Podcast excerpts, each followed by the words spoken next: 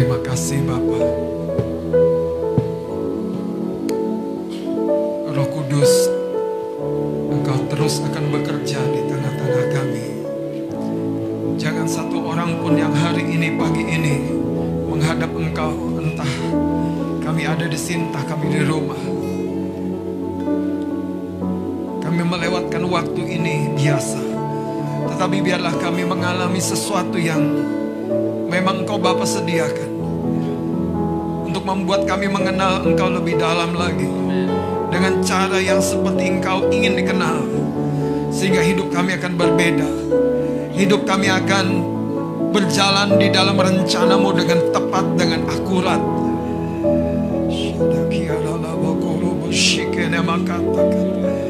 Kami mengucap syukur Tuhan. Roh Kudus ajari kami dari firman kebenaran.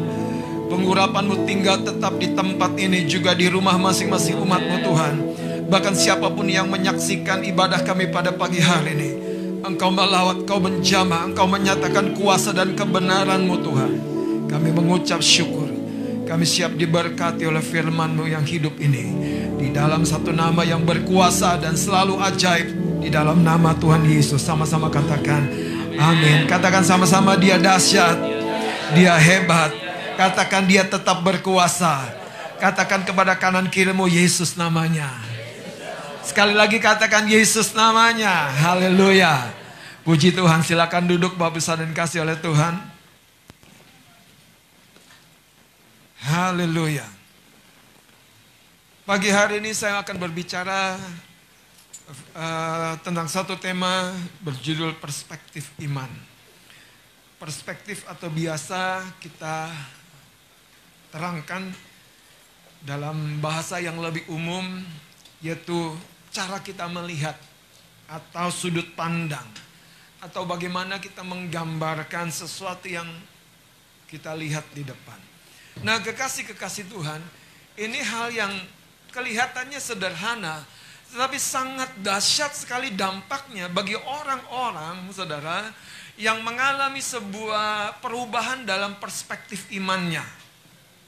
Dan saya berdoa, saudara, hari-hari terakhir ini, engkau dan saya akan mengalami kepenuhan janji Tuhan, kepenuhan berkat Tuhan, dan itu dimulai waktu perspektif imanmu mengalami sebuah perubahan.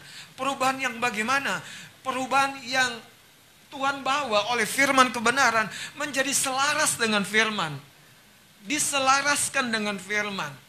Saudara, kita bersyukur sebetulnya kalau hari ini di tangan kita ada handphone yang berisi Alkitab ada banyak pengajaran hamba Tuhan yang dapat kita dengarkan di mana pun mereka berbicara kita dapat terhubung. Tetapi pertanyaannya saudara, apakah apa yang kita dengar, apa yang kita terima itu menghasilkan sebuah perubahan perspektif iman? Kenapa? Sekali lagi, sekali perspektif kita berubah, orang sederhana, orang kecil, tidak berpangkat, bahkan engkau seperti Daud yang dilupakan dari banyak saudara-saudaranya yang sudah diutus jadi orang yang terkenal di medan peperangan, tetapi Daud hanya menjadi seorang pengangun domba. Tapi saya mau katakan saudara, sekali perspektifmu berubah tentang Tuhan, tentang kuasanya, tentang firmannya, engkau tidak pernah akan hidup sama lagi. Kenapa saudara? Ada begitu banyak anak Tuhan tapi hidup sebagai budak, slave. Kenapa? Karena perspektif dirinya tentang Tuhan terus menerus dalam sebuah keadaan yang tertipu saudara. Setan dan roh-roh dunia ini selalu berupaya menipu engkau dan saya supaya kita hidup di bawah dari standarnya Tuhan. Di bawah dari standarnya Tuhan. Nah, itu sebabnya saudara, satu hal yang perlu engkau catat dari permulaan ini, Tuhan ingin ketika kita menjalani kehidupan ini dalam segala prosesnya, dalam segala dilemanya, dan kau mengalami pertolongan Tuhan, kuasa Tuhan, campur tangan Tuhan, engkau, Tuhan ingin engkau bukan hanya sekedar mengalaminya pertolongan Tuhan, tapi engkau mengenal dia melalui pengalaman itu. Dan di sanalah perspektifmu akan mengalami perubahan atau pembaharuan. Mari lihat ulangan pasal yang ke-8. Lihat ayat yang kedua. Katakan perspektif iman. Saudara secara daging, secara lahiriah, secara manusiawi kita punya perspektif sendiri. Tetapi secara rohani, kita tidak bisa menggaguh-gugat apa yang sudah Tuhan tuliskan. Kita hanya perlu menerima dan mempercayainya. Ada amin? Katakan amin. Ayat yang kedua, mari perhatikan saya akan baca. Ingatlah kepada seluruh perjalanan yang kau lakukan atas kehendak Tuhan Allahmu di padang gurun selama 40 tahun ini dengan maksud apa? Dan mencoba engkau atau mengetes engkau untuk mengetahui apa yang ada dalam hatimu. Yakni apakah engkau berpegang pada perintahnya atau tidak. Jadi kesukaran-kesukaran saudara yang pertama itu akan mengungkap siapa diri kita. Apa yang tersimpan di hati kita. Ucapan syukur, persungutan, rasa percaya, rasa pesimis, atau rasa optimis. Lihat ayat tiganya. Jadi ia merendahkan hatimu, membiarkan engkau lapar, dan memberi engkau makan mana yang tidak kau kenal, dan yang juga tidak dikenal oleh nenek moyangmu, untuk membuat katakan mengerti. Katakan mengerti. Jadi seberapa kali pun kita melewati ujian, pencobaan, tantangan. Tapi kalau kita tidak mengerti, itu masalah besar buat Tuhan. Mungkin masalah keuanganmu selesai. Mungkin masalah hubunganmu di rumah tangga selesai. Mungkin masalah dosamu sekali selesai. Tapi kalau kita tidak mengerti sesuatu, saudara, itu proses mungkin yang akan terjadi lagi. Itu sebabnya ada 40 tahun umat Tuhan di padang gurun. Prosesnya sama untuk apa? Merendahkan hati, merendahkan hati, merendahkan hati dan apa? Mengungkap apa yang tersimpan di hati. 40 tahun saudara. Dia bukan Tuhan yang saudara ingin membuat kita dalam sebuah jalur yang apa namanya slow motion. Ada orang udah sukses, yang penting kita alon-alon asal kelakuan saudara. Sayangnya itu tadi perspektif dari mana kita kenakan. Tuhan nggak gitu saudara. Dia beriringan, berirama dengan kesiapan kita. Kalau perspektif kita berubah, perspektif kita selaras dengan kebenaran, Anda dan saya akan melihat dia yang selalu siap sedia memberkati kita, amin. Bahkan mengubah kita menjadi berkat, haleluya. Itu sebabnya saudara, 50, 60, 70 tahun, berapa puluh tahun pun engkau hidup dan mengembara di muka bumi. Ingat, kita tidak akan bawa apa pun yang kita bawa. Tapi kita harus gunakan dengan maksimal apa yang Tuhan percayakan yang kita raih di muka bumi ini. Katakan amin. Haleluya. Lihat ayat yang ketiga saudara. Dikatakan apa? Ya.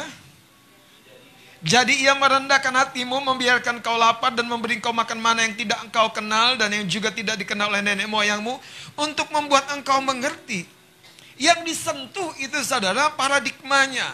Yang disentuh itu perspektifnya bahwa manusia, bahwa manusia hidup bukan dari roti saja. Tetapi manusia hidup dari segala yang manusia hidup dari segala yang diucapkan jadi kalau dia berbicara saudara, kendala apa pun tidak akan menahan kau lagi. Katakan amin. Jadi kalau dia bersabda saudara, sakit penyakit apa pun tidak akan menahan gerakmu lagi. Kalau dia berfirman saudara, tantangan dan ikatan apa pun tidak akan membuat engkau stuck lagi. Tetapi engkau akan terus berjalan dan berjalan, naik ke puncak, naik ke tempat yang lebih tinggi. Dan kau mengalami sepenuhnya berkat Tuhan. Sekalipun engkau hari ini belum bekerja, sekalipun hari ini kau belum berumah tangga, tetapi ketika paradigma, ketika perspektif firman ini mulai saudara turun di dalam rohmu dan engkau tidak lagi berbicara menurut sudut pandang mata manusiawimu seperti Abraham melihat Sarah, seperti Sarah melihat Abraham, tapi kau berkata dari Tuhan selalu mungkin, dari Tuhan selalu mungkin, dari Tuhan selalu bisa. Dan ketika engkau berbicara seperti itu saudara, kata-katamu akan mengcreate sesuatu yang belum pernah kau lihat. Sebab dia selalu saudara memakai kata-katamu untuk menciptakan sesuatu yang belum ada menjadi ada. Siapa nabi-nabi? Manusia biasa. Siapa mereka? Diurapi oleh Tuhan. Siapa mereka? Orang yang mengalami kedalaman pengenalan akan Tuhan. Kenapa dia berbicara sesuatu terjadi? Karena Tuhan mempercayakan kuasanya kepada orang-orang yang perspektif rohaninya selaras dengan firman. Saya mau bawa dengan cepat satu contoh saudara. Kitab bilangan. Saya berdoa hari ini, engkau dasar saya akan hidup dengan cara yang berbeda. Haleluya. Ketika perspektifmu berubah, engkau akan mengalami kedahsyatan-kedahsyatan yang Tuhan sudah persiapkan buat hari-hari ini. Bilangan pasal yang ke-24. Mari kita akan baca bersama-sama ayat yang pertama dan ayat yang kedua. Mari kita bangkit berdiri. Saudara, salah satu yang perlu Anda lakukan selalu untuk tubuhmu adalah jangan biarkan tubuhmu terlalu nyaman dan aman. Posisikan dirimu selalu di posisi pendengar. Dengan intens, dengan gairah, dengan perhatian penuh. Haleluya. Satu malam Paulus lagi bicara sama sekumpulan jemaat di sebuah rumah di loteng. Nah, kalau yang tahu ceritanya langsung ketawa. ya kan? Ada seorang anak muda dengerinnya sambil apa? Di pinggir jendela. Itu di lantai dua. Kalau udah malam tengah malam angin sepoi-sepoi saudara. Yang lain lagi, wah luar biasa Rasul Paulus lagi, lagi kasih kesaksian. Yang satu ini di pinggir jendela Ya, ya kan, dekat AC, dekat kipas. Tiba-tiba dia gelepak aja jatuh keluar. Kenapa? Karena dia tidak intens. Dia tidak memberikan hasrat. Haleluya. Itu yang dimiliki Elisa dan tidak dimiliki oleh nabi-nabi yang lain. Yaitu hasrat ketika Elia berbicara. Elisa berkata, ya, ya Tuhan aku percaya. Mari kita baca yang pertama dan kedua bilangan pasal yang ke-24. Dua, tiga. Ketika dilihat Biliam bahwa baik di mata Tuhan untuk memberkati Israel, ia tidak mencarikan pertanda lagi seperti yang sudah-sudah. Tetapi ia menghadapkan mukanya ke arah padang gurun. Ketika Biliam memandang ke depan dan melihat orang Israel berkemah menurut suku-suku mereka, maka roh Allah menghinggapi dia. Sekali lagi kita baca ayat yang ke-24-nya. Ayat yang keduanya maksud saya. Dua tiga. Ketika Bilia memandang ke depan dan melihat orang Israel berkemah menurut suku mereka. Maka roh Allah menghinggapi mereka. Silakan duduk. Apa yang terjadi dengan Biliam? Biliam seorang nabi Tuhan. Biliam seorang yang beroperasi dalam karunia roh kudus. Biliam seorang yang diurapi oleh roh Tuhan secara luar biasa sekali. Sampai saudara, Balak, raja musuhnya Israel, berupaya menyewa dia, memberkati dia dengan satu maksud, memakai perkataan Bileam menyerapahi siapa? Umat Tuhan. Saudara kalau Anda baca ceritanya dengan lengkap, Bileam belajar sesuatu yang namanya Israel. Israel. Yang terbaik adalah jangan bikin gara-gara sama mereka. Coba lihat saudara, ayat yang pertama, ini menarik ceritanya. Kenapa? Karena Biliam itu dicatat di perjanjian lama dan di perjanjian baru. Saya berdoa Anda belajar ini. Lihat, tetapi Biliam ada sebuah masa di mana dia mencari tanda. Aku berkati apa aku kutuk ya Israel. Anda mungkin ketawa. Tapi bayangkan, apakah Biliam mengenal sejatinya siapa Allah Israel? Enggak. Itu sebabnya kalau Anda mengenal siapa sejatinya Yesus Kristus Tuhanmu, Anda tidak pernah akan ragu-ragu lagi dan mencari pertanda-tanda. Tetapi engkau akan memandang ke depan melihat apa pun di hadapanmu dengan kacamata yang berbeda. Engkau percaya jalan buntu pun Tuhan akan buka jalan baru buat hidupmu. Haleluya. Lihat yang pertama, ketika dilihat, katakan dilihat ini sebuah proses saudara. Artinya sebelumnya mata Biliam melihat tapi pikirannya tidak. Matanya melihat suku-suku Israel tapi pikirannya buntu. Itu sebabnya dia selalu mencari pertanda, sementara Balak sudah kasih upah. Siapkan apa namanya harta kekayaan buat Bileam. Bileam belum berani bertindak terlalu jauh. Kenapa? Dengar, Bileam belum berani bertindak terlalu jauh karena dia takut salah. Jangan-jangan menurut Tuhan adalah yang terbaik mengutuki Israel. Dia cari tanda, dia cari tanda, dia cari tanda, dia cari tanda, dia cari tanda. Orang Kristen yang selalu cari tanda, jangan-jangan perspektif rohaninya terlalu dangkal. Perspektif imannya, saudara, masih belum di koridornya Tuhan. Kita perlu mengalami alignment, penyelarasan saudara. Berada di koridornya Tuhan. Kalau Anda berada di koridornya Tuhan, Anda akan sampai di tujuanmu. Pernah gak sih saudara? Anda mau naik bus Transjakarta, eh Anda masuk terminal Blok M lah. Pilah-pilih, pilah-pilih, eh salah lagi saudara. Sampainya bukan di tujuan. Bayarannya sama, enaknya sama, gelantungannya sama. Sayangnya saudara, Anda tiba di tujuan yang salah. Itu dimulai apa? Dari perspektif yang salah, perspektif yang salah. Nah lihat ayat yang pertama, ketika dilihat Biliam bahwa baik di mata Tuhan, jadi Biliam melihat menurut kacamata Tuhan. Bagaimana Anda melihat dirimu sendiri menurut kacamata Tuhan?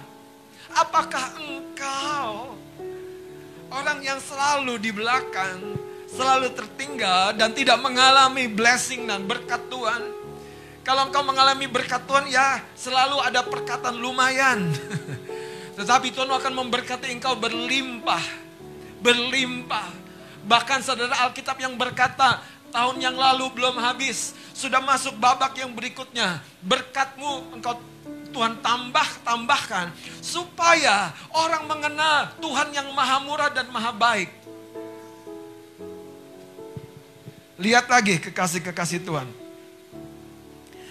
Ketika dilihat Bileam bahwa baik di mata untuk memberkati Israel, ia tidak mencarikan apa? Katakan pertanda. Saudara, ini gambaran orang yang masih dilema. A atau B? Yang Batak atau yang Cina ya? Yang Jawa. Hah? Yang di Jakarta atau yang di kampung ya? Yang di depan atau yang di pojok? Iya kan? Selalu cari tanda, selalu cari tanda. Di sini atau di situ ya. Selalu cari tanda. Masalahnya itu dimulai bukan memang perlu cari tanda. Ada orang Kristen saudara mau kebaktian minggu aja ditunggu pertanda. Mau ke gereja mana ya? Tunggu cari pertanda. Coba Bayangkan saudara, kenapa? Itu kayak anak kita saudara, pamah. Bajunya yang mana? Yang merah atau yang putih? Hah, ya kan? Ada waktu di mana kita kanak-kanak, ya tepat kita dibimbing. Tapi kalau sekian waktu kita bertumbuh dan kita selalu pakai cara yang sama, mencari pertanda, ada yang salah. Katakan ada yang salah. Sambil geleng-geleng kanan kirimu ada yang salah. ada yang salah.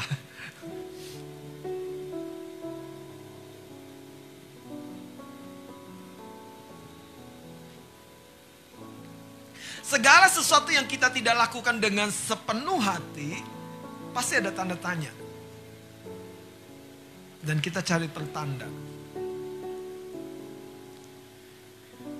Tapi kabar baiknya saudara, lihat cerita nih. Beliau menangkap sesuatu. Dua kali dia apa? Pergi ke sebuah tempat yang berbeda, bangun tujuh mesbah, dan nunggu Tuhan. Hari ini Tuhan menunggu kita. Sekali lagi, hari ini Tuhan menunggu kita. Kalau hari ini kita masih bilang kita menunggu Tuhan, jangan-jangan perspektif iman kita masih di perjanjian lama. Bukankah wanita yang 12 tahun sakit pendarahan, dia nggak tunggu Tuhan, dia maju dari belakang. Dan di dalam hatinya ada perkataan, asalku jamah saja, jumpai jubahnya, aku sembuh. Asalku jamah saja, jumpai jubahnya. Kalau dia bilang gini, aku pasti diberkati, diberkati nggak? Kalau dia bilang gini, asalku jamah jumpai jubahnya, aku pasti menikah. Menikah nggak? Asalku jamah saja jumbainya, aku jadi bos. Jadi bos nggak? Jadi bos, saudara. Haleluya. Sekali lagi, saudara, di situ perspektif iman kita menggerakkan hidup kita dalam iman untuk menerima kuasa Allah yang sudah tersedia. Sudah tersedia. Katakan kanan kirimu, sudah tersedia. Sudah tersedia. Sudah tersedia. Sudah tersedia. Coba lihat saudara kalimat berikutnya. Ayat 1 dan 2. Ia tidak mencari pertanda lagi seperti yang sudah-sudah. Tetapi ia menghadapkan apa? Menghadapkan mukanya. Dia dengan yakin menghadapkan mukanya. Menghadapkan mukanya ke mana?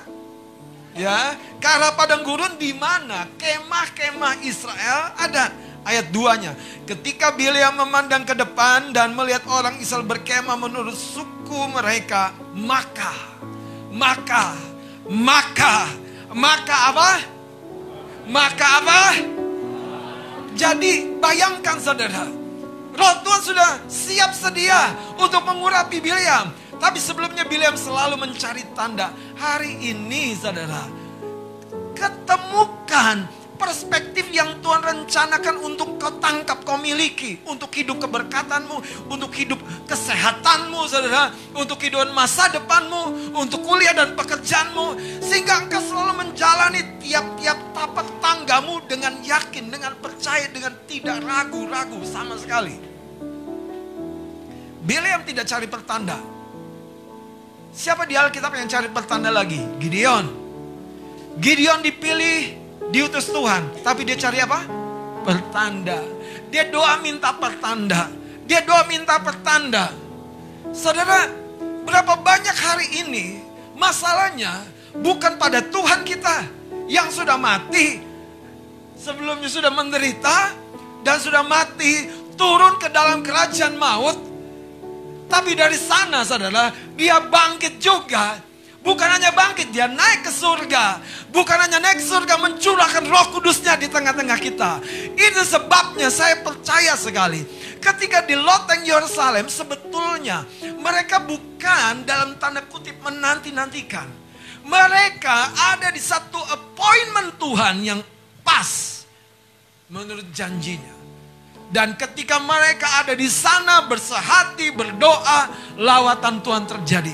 Hari ini saya percaya saudara. Kalau kita ada hadir di rumah Tuhan. Engkau ada di appointmentnya Tuhan. Engkau ada di zonanya Tuhan. Apa yang kau tabur akan bertumbuh, berkembang, berlipat kali ganda. Ingat, tabur dengan percaya, tabur dengan sukacita, tabur dengan pengharapan. Jangan tabur dengan keluh kesah. Sebab yang kau tabur adalah benih kehidupan. Imam Eli di bait Allah menerima persembahan satu-satunya anak dari seorang ibu namanya Hana. Masih kecil benar, dipersembahkan jadi pelayan Tuhan. Tahun-tahun berikutnya, Imam Eli jumpa lagi dengan keluarga di suami istri Elkana dan Hana. Dan Imam Eli begini, kiranya Allah memberkati engkau ganti anak yang kau persembahkan kepada Tuhan itu. Dan Anda tahu, rahim yang mandul itu melahirkan tiga anak laki-laki lagi dan dua anak wanita lagi. Rahim yang mandul itu tetapi saudara, kalau Anda baca pasal 2, Hana sudah bernubuat tentang dirinya. Saya, baca, saya ajak aja supaya Anda tahu. Menarik saudara, menarik. Pasal 2. Satu sampai pasal 2.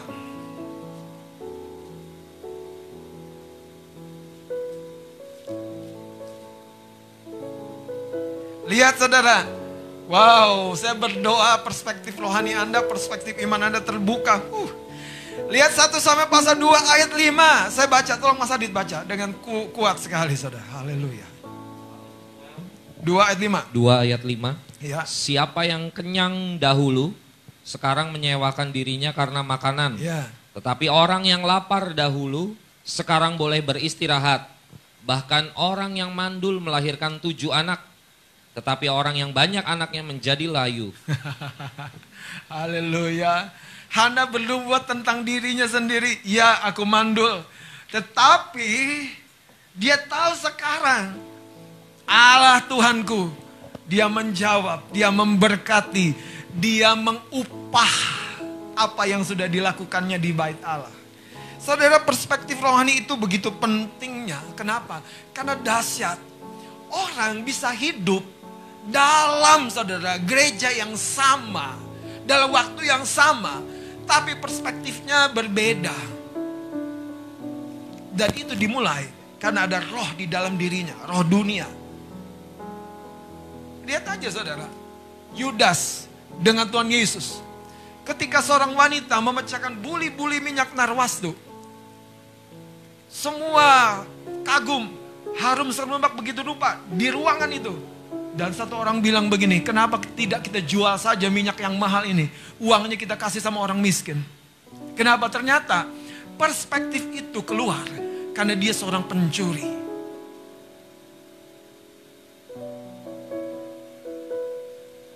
Mari kita lihat saudara Yeremia pasal yang ke-29.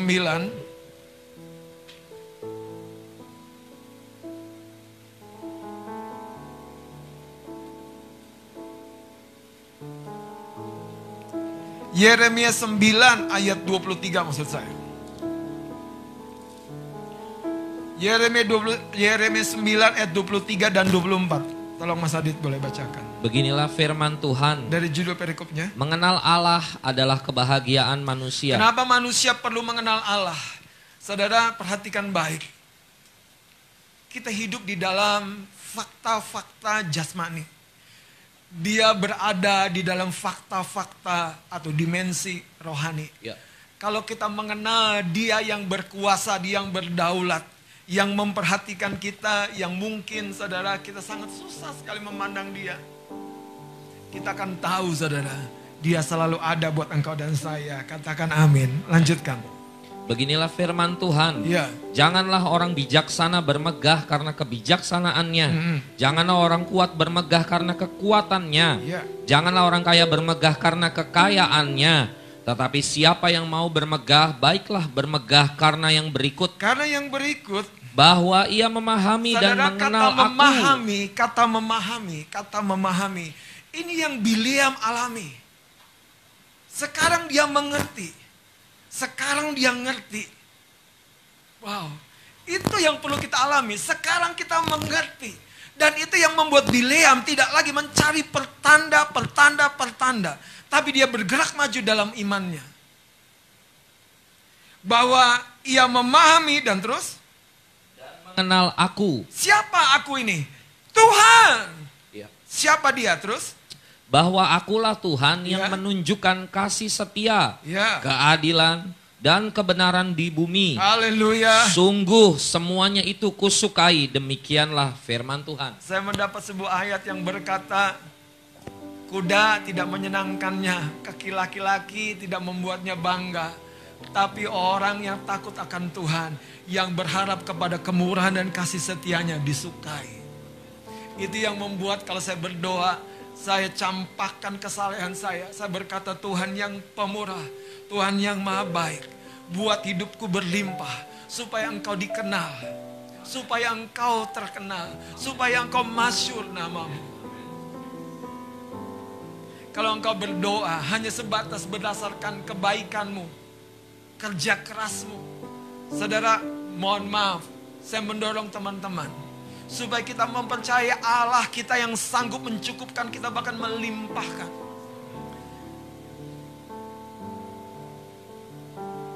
Teman-teman yang punya cicilan sesuatu, kalau ditanya hari ini, mau berapa tahun engkau nyicil? Bagaimana? Kita akan mulai kalkulasi kan? Berapa gaji kita, berapa bonus kita, berana, eh, berapa hasil bisnis kita. Kita perspektifkan, oh cukup kira-kira nih 25 tahun. 25 tahun. Tetapi seperti Bileam, ketika dia ngerti Tuhan mau membuat keadaan dan himpitan itu menjadi terang yang menyala, menjadi kesaksian yang terdengar di keluargamu. Engkau akan berdoa dengan cara yang berbeda. Engkau akan melakukan pendekatan kepada Allah dengan cara yang berbeda. Itu yang membuat Hana melakukan pendekatan kepada Allahnya dengan cara yang berbeda. Dan dia mengalami pembuktian kebenaran itu. Mari kita lihat satu bagian Alkitab lagi. Ini bagian yang terakhir. Efesus pasal yang ketiga. Ayat yang ke-16.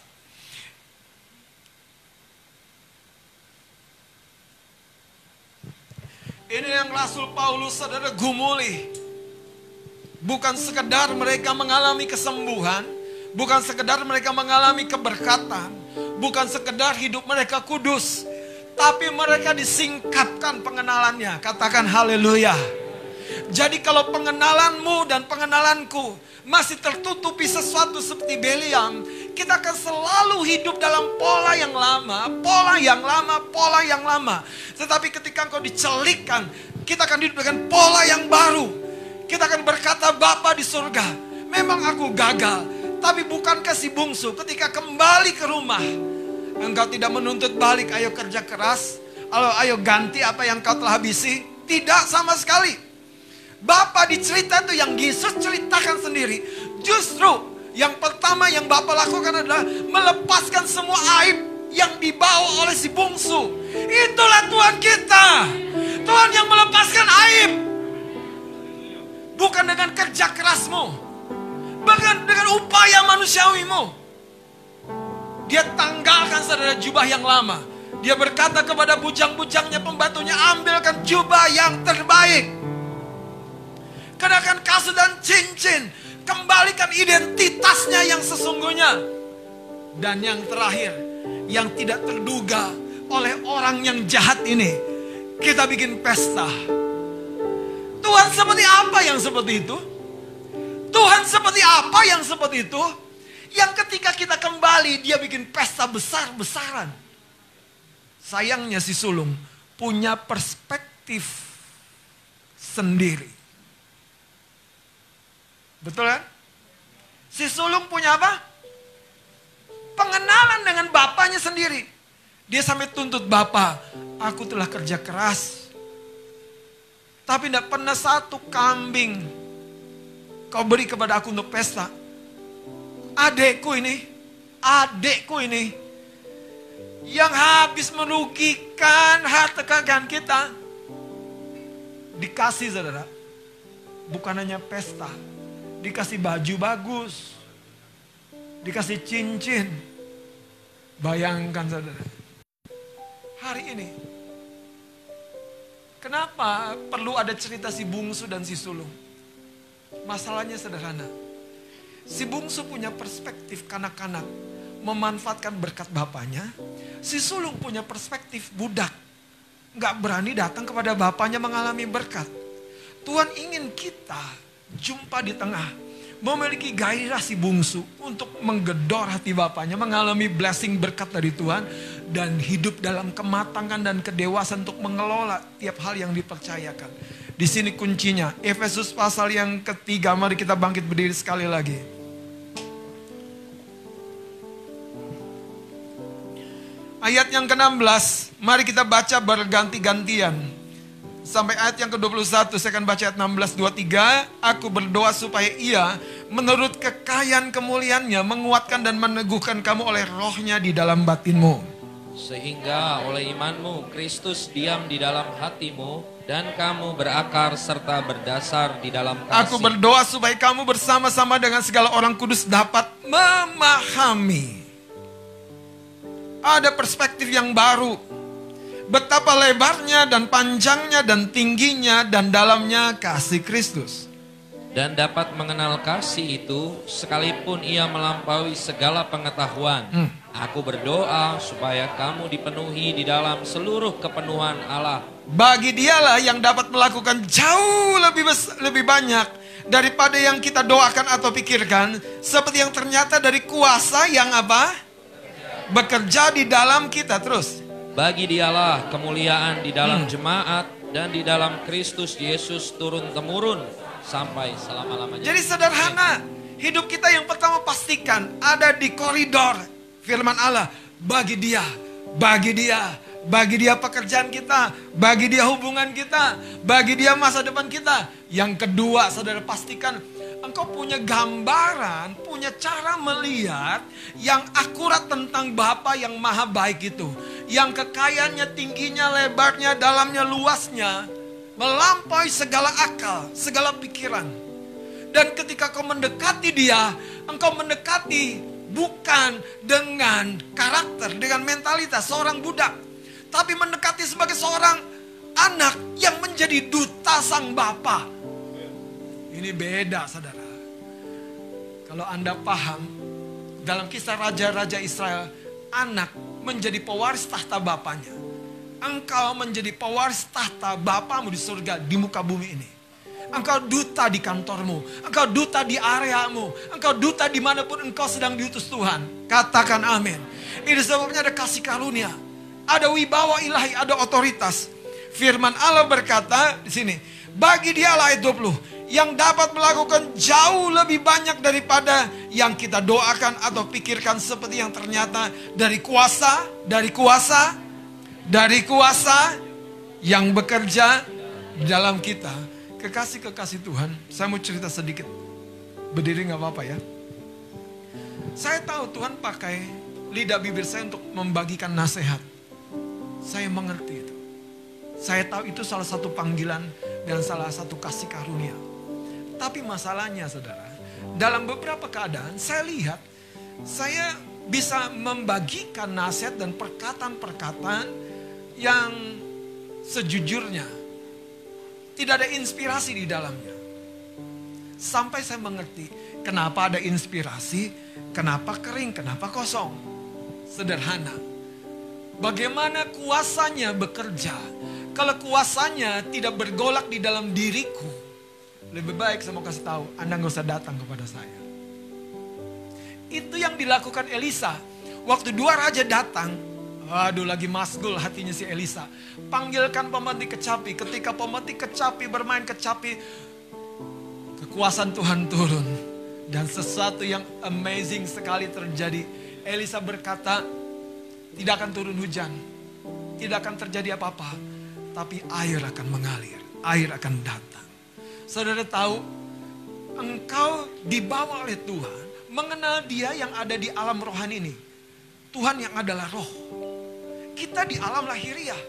Karena itu izinkan roh yang dia berikan di dalam diri kita. Bergelora.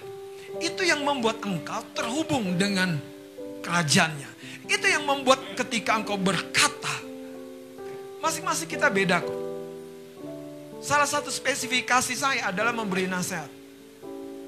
Saya nggak tahu bagaimana kalau ngobrol tiba-tiba keluar hikmat. Tapi saya tahu pada waktu roh Tuhan tidak bergelora dalam diri saya, lebih baik saya diam. Kuncinya sederhana. Hari ini jadilah gereja perjanjian baru yang diurapi oleh Roh Kudus. Yang ketika engkau mengerti Tuhan, mengenal Tuhan dari perspektif yang baru, engkau tidak ragu-ragu berkata, sakit penyakit akan aku taklukkan sampai ke akar-akarnya. Karena dia sudah mati, dia sudah bangkit, dia sudah menang. Dengerin kata-kata saya. Engkau bukan hanya bekerja sebagai pegawai, engkau akan punya usaha. Engkau akan menjadi pengusaha, engkau akan memperkerjakan karyawan-karyawan untuk kemuliaan nama Tuhan. Dan itu dimulai waktu kau melihat dia Tuhan. Dan engkau mengenal siapa engkau dalam keterhubunganmu dengan dia. Dan ketika rohmu bergelora saudara. Bersama dengan roh Tuhan. Seperti Bileam. Ketika dia melihat saudara. Kemah-kemah Yakub. Roh Tuhan berkuasa. Makanya saudara gini, jangan perspektif kita salah. Ya memang aku mah orang pinggiran. Emang siapa orang tengahan? Ya memang aku mah orang ya aku mah emang seperti Daud dilupakan. Jangan separuh ceritamu. Ya kan manusia melupakan tapi Tuhan mengingat selalu dan mengangkat Daud jadi petinggi seluruh Israel. Tidak ada yang lebih tinggi dari dia saudara. Jadi jangan lihat dirimu kecil. Haleluya. Di dalam dirimu ada sesuatu yang dahsyat.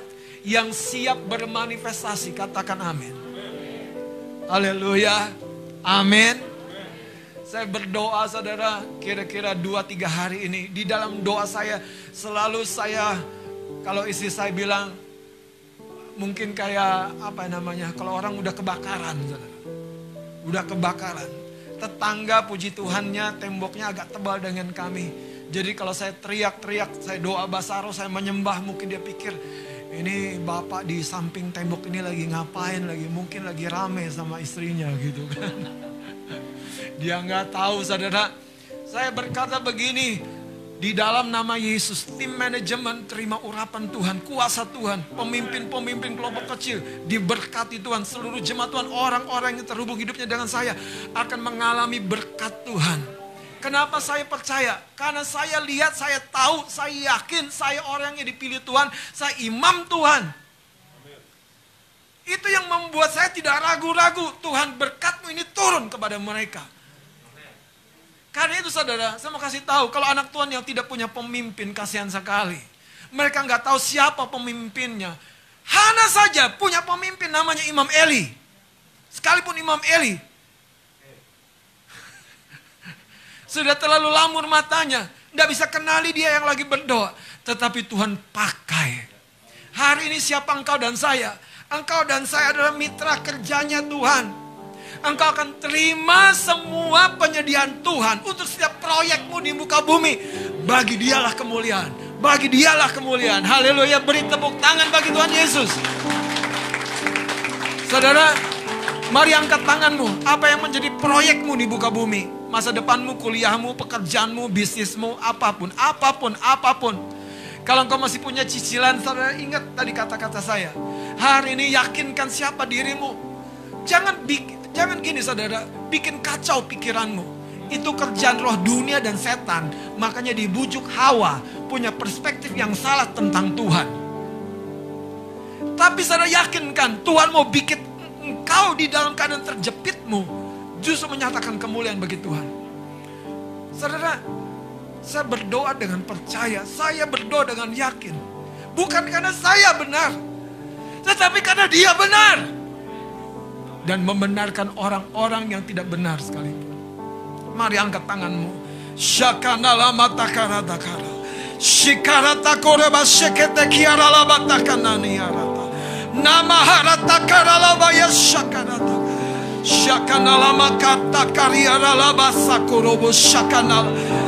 Tuhan aku berdoa Biarlah roh hikmat wahyu pengertian turun kepada hati setiap umatmu Pagi hari ini Tuhan. Mencelikan mata pengertian kami. Engkau tidak pernah memberikan sakit penyakit Engkau tidak pernah memberikan kemiskinan Engkau tidak pernah memberikan masalah Kalaupun itu terjadi Mungkin ada dosa dalam diri kami. Ini sebabnya hari ini kami datang Tuhan basuh kami dengan darahmu. Beri hati yang berbalik kepadamu, bertobat kepadamu. Beri hati yang insaf Tuhan hidup ini berharga dan penting. Sekarada batakan alamatakan. Kiada takorowo syakaralaba. Bagi Tuhan tak ada yang mustahil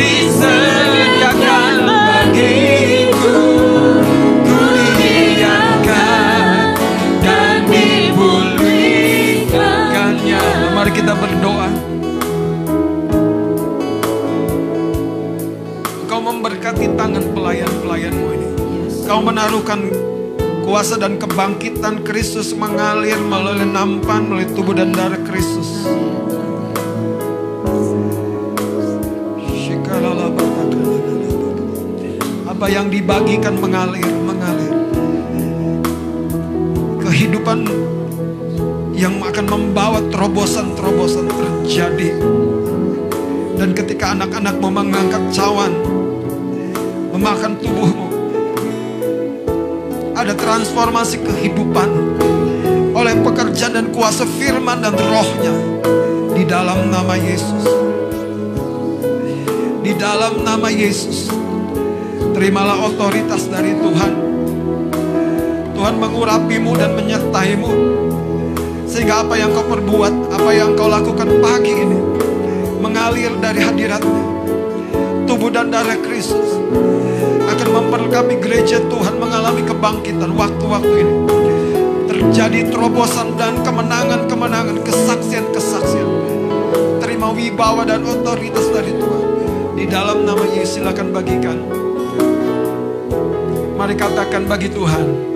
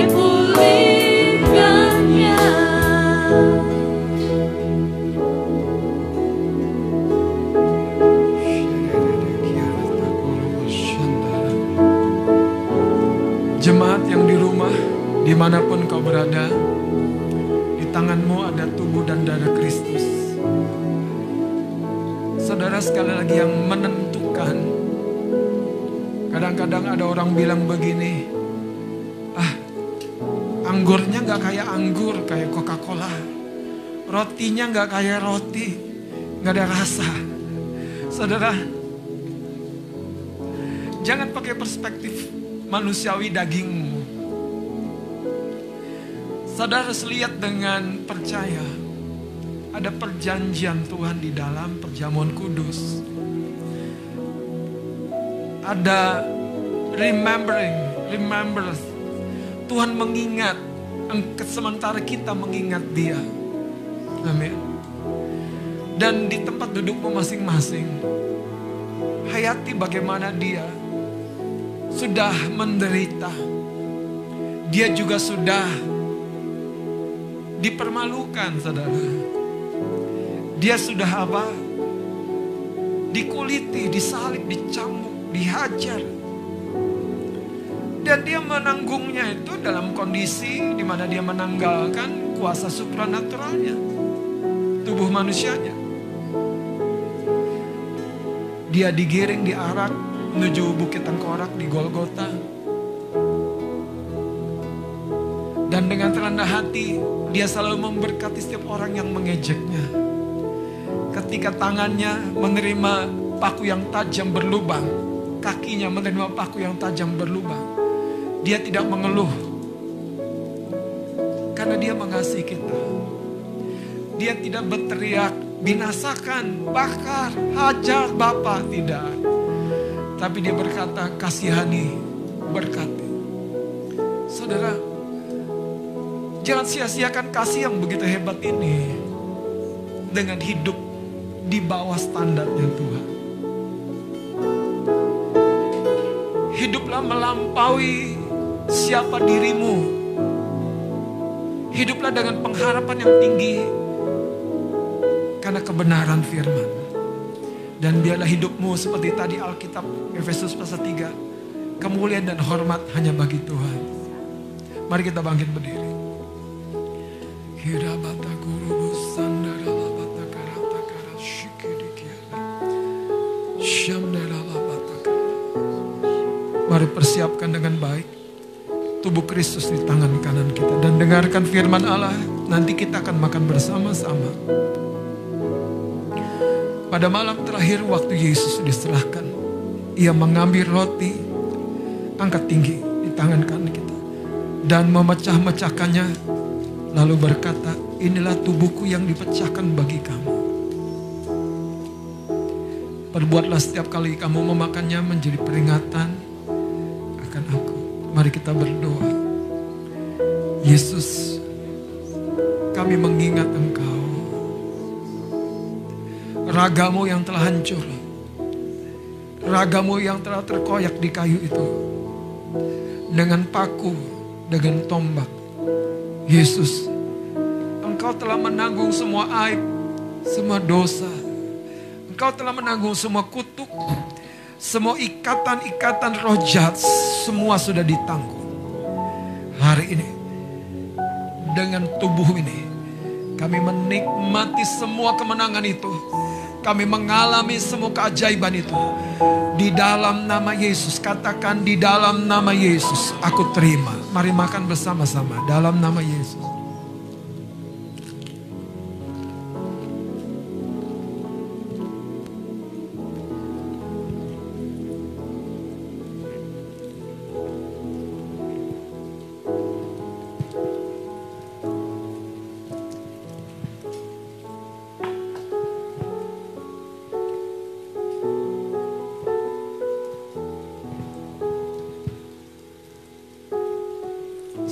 Makan lalu ia mengambil cawan, angkat cawan di tangan kanan kita. Terima kasih untuk tubuhmu yang berdarah-darah. Dari sana terculah, tertetes. Sebegitu banyak darah yang keluar dari pembuluh-pembuluhmu. Dengan itulah kami telah dibayar. Dengan itulah masa depan kami telah dibayar. Dengan semua itulah semua ketidakmampuan kami telah dimampukan dalam kasih karunia. Hari ini kami menerima kasih karunia itu. Kami diangkat, kami diberkati, kami dipulihkan. Kami dibawa dalam posisi dan identitas yang sejati daripadamu. Setelah makan lalu ia mengambil cawan dan berkata, inilah cawan perjanjian baru yang dimateraikan oleh darahku. Perbuatlah setiap kali kamu meminumnya menjadi peringatan akan aku. Bapak terima kasih untuk darah yang tercurah. Darah yang membuat kami mengalami semua yang rohani ini menjadi nyata di alam lahirnya.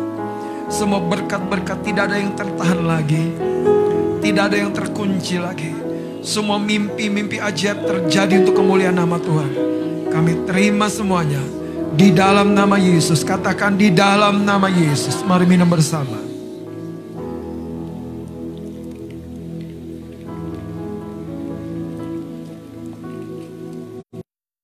Kananmu di dada.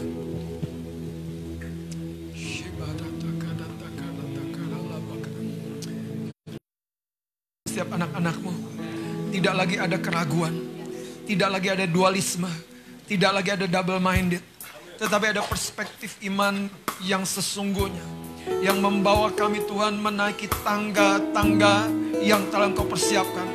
Hari ini segala sesuatu yang berasal dari si musuh, segala sesuatu yang berbentuk ikatan-ikatan pekerjaan roh-roh dunia yang menghalangi kemajuan kami. Kami hancurkan, kami tolak di dalam nama Yesus Kristus setiap sakit, penyakit, kelemahan tubuh. Aku perintahkan keluar dalam nama Yesus. Sekali dan selama-lamanya keluar dalam nama Yesus. Setiap sakit, penyakit. Keluar dalam nama Yesus. Setiap bentuk kelemahan tubuh. Pulih dalam nama Yesus. Pulih dalam nama Yesus.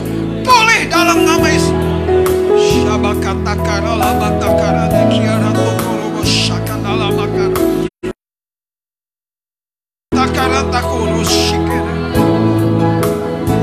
Apa pun yang menjadi mimpimu, apa pun yang menjadi doamu. Sementara kita memuji, menyembah, hadapkan kepada Tuhan, percayai. Percayai dia ajaib. Haleluya, bagi Tuhan, bagi Tuhan. Bagi Tuhan, tak ada yang mustahil.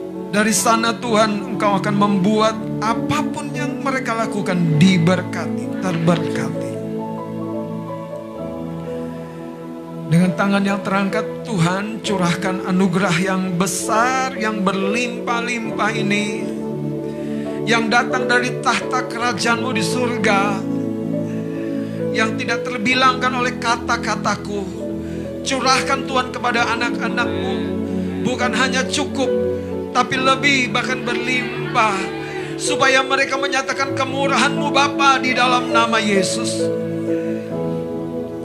Penjaga dan penyertaan kasih dari Tuhan Yesus Kristus akan terus menguatkan hatimu, menjadikan engkau tekun dalam imanmu. Engkau tidak mudah menyerah dalam perjuangan dan pertandingan. Engkau maju dan tidak turun, tidak mundur. Engkau memasuki hal-hal yang baru untuk memuliakan nama Tuhan.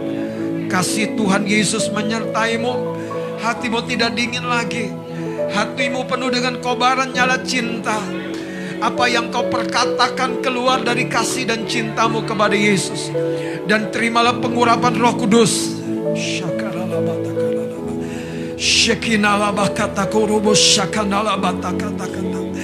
Ketika kau melepaskan berkat-berkat turun. Ketika kau melepaskan kemenangan-kemenangan terjadi. Ketika kau mematahkan pekerjaan setan, pekerjaan setan dipatahkan. Syakata-kata, terimalah pengurapan dan kuasa Roh Kudus dan berkat yang sempurna ini di dalam nama Tuhan Yesus Kristus. Haleluya, semua kita yang diberkati dan percaya katakan amin, amin, amin. Selamat hari Minggu, Tuhan Yesus memberkati.